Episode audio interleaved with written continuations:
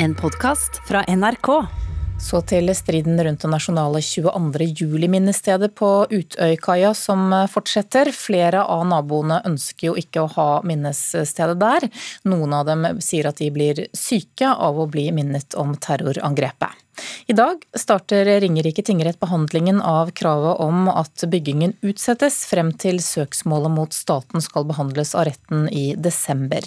Det er viktig å få stanset byggearbeidet så fort som mulig, forteller advokaten deres Ole Hauge Bendiksen. Eh, Arbeidene eh, er en stor belastning for naboene. Og som også uttalt i den rapporten, den psykiske, psykiatriske rapporten som nå har tilkommet, så representerer vi også skadevirkninger på naboene. Planleggingen av det nasjonale minnestedet ved Utøya etter 22.07-terroren har pågått i mange år. Meningen er at det skal stå klart til tiårsmarkeringen neste sommer. Det skal bestå av 77 smale bronsesøyler, som skal symbolisere hver av dem som ble drept på Utøya og i regjeringskvartalet.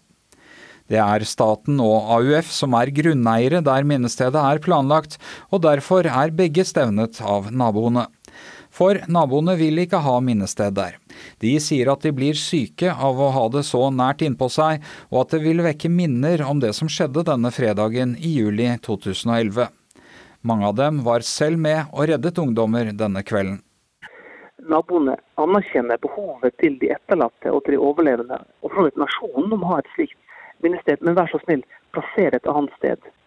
Og Bakgrunnen for dette det er at mange av naboene er redningsmenn og redningskvinner som allerede er dypt traumatiserte, og som har behov for å gå videre i sitt liv. Dette minnestedet gir ikke anledning til det. For AUF og mange pårørende er det viktig å få det nasjonale minnestedet på plass til tiårsmarkeringen i juli neste år.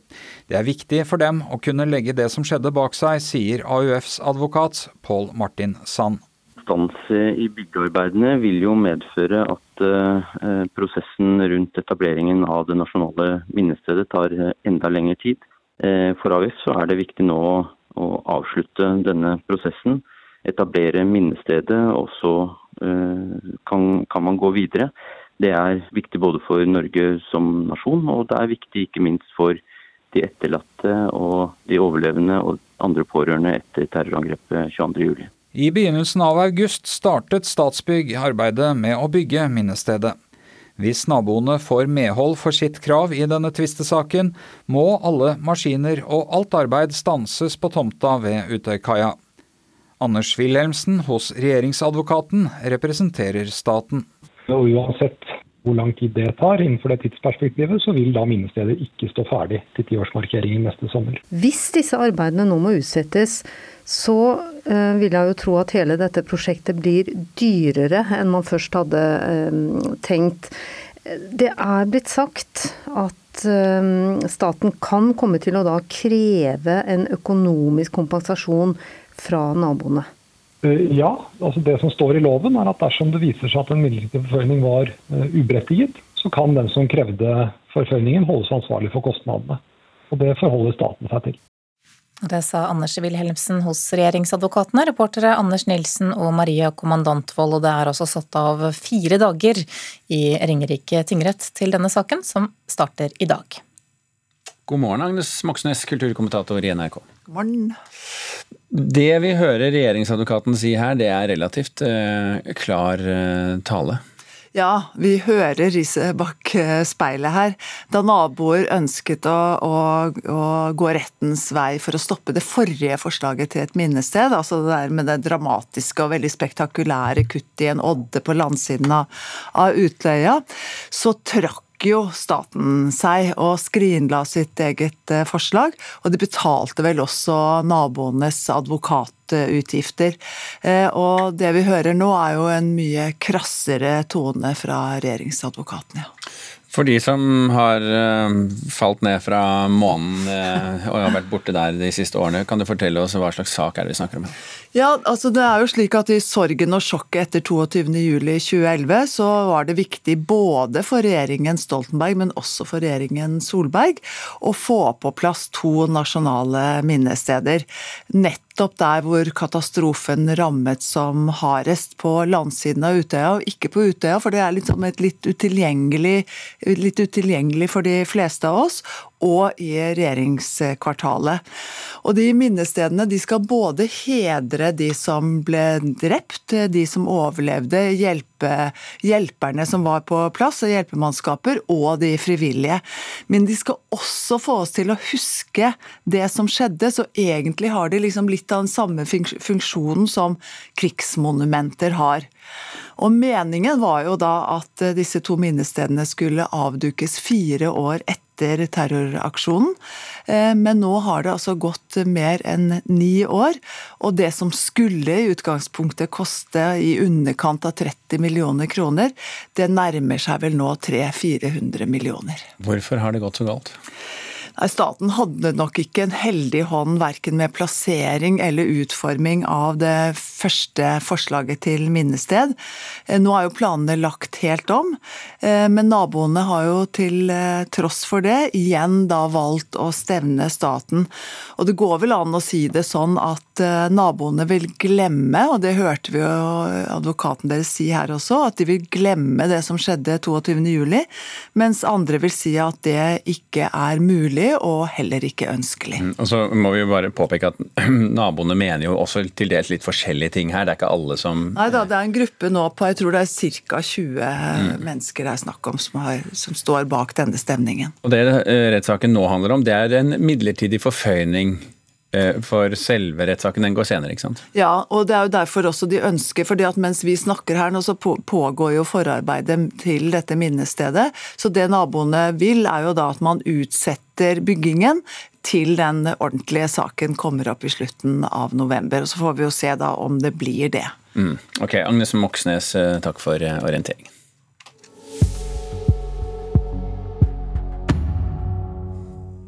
Om lag halvparten av unge mellom 13 og 18 år sier at de får reklame for produkter som skal gi større muskler, eller som skal virke slankende. Det kommer frem i en undersøkelse fra Medietilsynet, og også enda yngre barn mottar denne typen reklame. Vi frykter at eh, et eh, så stort markedsføringstrykk mot de unge bidrar til økt kroppspress. Og vi vet jo også fra forskning at eh, reklame er med på å påvirke de unges kroppsbilde i negativ retning. Direktør i Medietilsynet Mari Velsand forteller at dybdeintervjuer de har gjort med unge mellom 13 og 18, også forteller at markedsføringstrykket er stort når det gjelder reklame som går på utseende. Dette er jo alvorlig, og derfor er det viktig å diskutere hva som kan gjøres for å redusere denne type press. Jorunn Sundgodt Borgen er professor og spesialist på spiseforstyrrelser og vektproblemer. Hun sier at reklame for slankemidler og muskelforstørrende produkter virker på mange unge. Det forvrenger jo virkeligheten til eh, disse ungene, og noen er jo enda mer sårbare enn andre. Og vi vet at det å bli eksponert for den type eh, reklame, det er assosiert med kroppspress. Det vet vi igjen påvirker livskvaliteten og, og kan gi ungene alvorlig uhelse.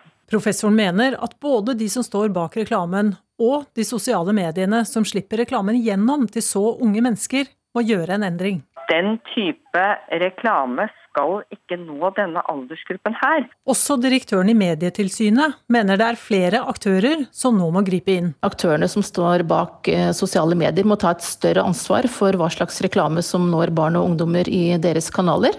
Og påvirkere med unge følgere bør også ha en bevisst holdning til hvilke produkter de omtaler.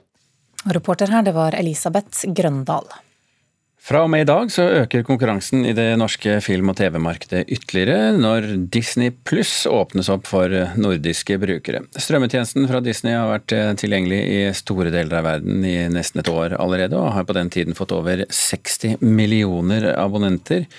Reporter Christian Ingebretsen, du har nå snakket med den nordiske sjefen for tjenesten. Hva har han fortalt deg? Ja, Dansken Hans van Rijn, som er sjef for Disney Pluss sin satsing i Norge, brukte da mye tid på å fortelle om hva de kan tilby som strømmetjeneste i et da stadig tøffere marked, der kampen om folks tid er beinhard. Det kan sikkert folk kjenne seg igjen i sin egen brukervaner. Men vi snakker jo om verdens største underholdningsselskap her, som bare i fjor omsatte for over 500 milliarder norske kroner. Og Disney har jo da i tillegg til sine klassiske filmer og serier, som vi alle kjenner, også rettigheter til noen av verdens største underholdningsselskaper underholdningsfranchiser, som superheltene i Marvel-universet, hele Star Wars-greia. I tillegg så eier de jo hele animasjonsfilmkatalogen til Pixar, alle sesongene med The Simpsons, og de har også rettighetene til National Geographic. Så det, ja, det er litt av en underholdningspakke de kan tilby. da. Eh, og I tillegg så legger de seg faktisk litt under de fleste andre betalingstjenestene i pris for å møte konkurransen. Så her blir det suksess, er det, er det gitt? Ja! Det er jo flere som da har påpekt at Disney kanskje foreløpig sliter med å tilby nok stoff for de som bare vil se en liksom god kritikerros dramaserie. Og det er jo de seriene som har vist seg ofte å være de store dragerne for eh, strømmetjenester som Netflix og HBO. Så som blant annet eh, kampanjeredaktør Knut Kristian Haugo, som følger mye, mye, med på markedet, sa til meg da jeg snakka med han, så, så er nok dette en tjeneste folk eventuelt har i tillegg, og ikke i stedet for en annen strømmetjeneste. Ja, og så har jo Netflix og HBO de har jo kommet med filmer og TV-serier spilt inn eller laget i, i, Norge. Har Disney tilsvarende planer? Ja, altså spurte den nordiske sjefen om dette, og han sa at de først ønsker å etablere det innholdet de har, men at det absolutt kan være aktuelt å lage norsk og nordisk innhold for Disney fremover. Vi kan høre litt på hva han sa. Selvfølgelig er vi oppmerksom på, øh, på, på, på norsk og nordisk innhold som sånn. Det er høy kvalitet, øh, og vi er interessert i å få høy kvalitet, for det har vi også på tjenesten. Øh, så vi, jo, vi kommer jo til å se igennem tiden om det er noe der kan være relevant for, for, for, for vår tjeneste overordnet sett. Ja, det er, et, det er, jo et, press fra EU om å ha mer lokalt innhold på de internasjonale strømmetjenestene. Også i Norge så har dette vært et uttalt ønske fra staten, men det er foreløpig ikke et krav, da. Ja, da, da spiller det ingen rolle at Frost er inspirert av Norge? Ja vel. De lærde strides. Takk skal du ha, reporter Christian Ingebretsen. Du har hørt en podkast fra NRK. Hør flere podkaster og din NRK-kanal i appen NRK Radio.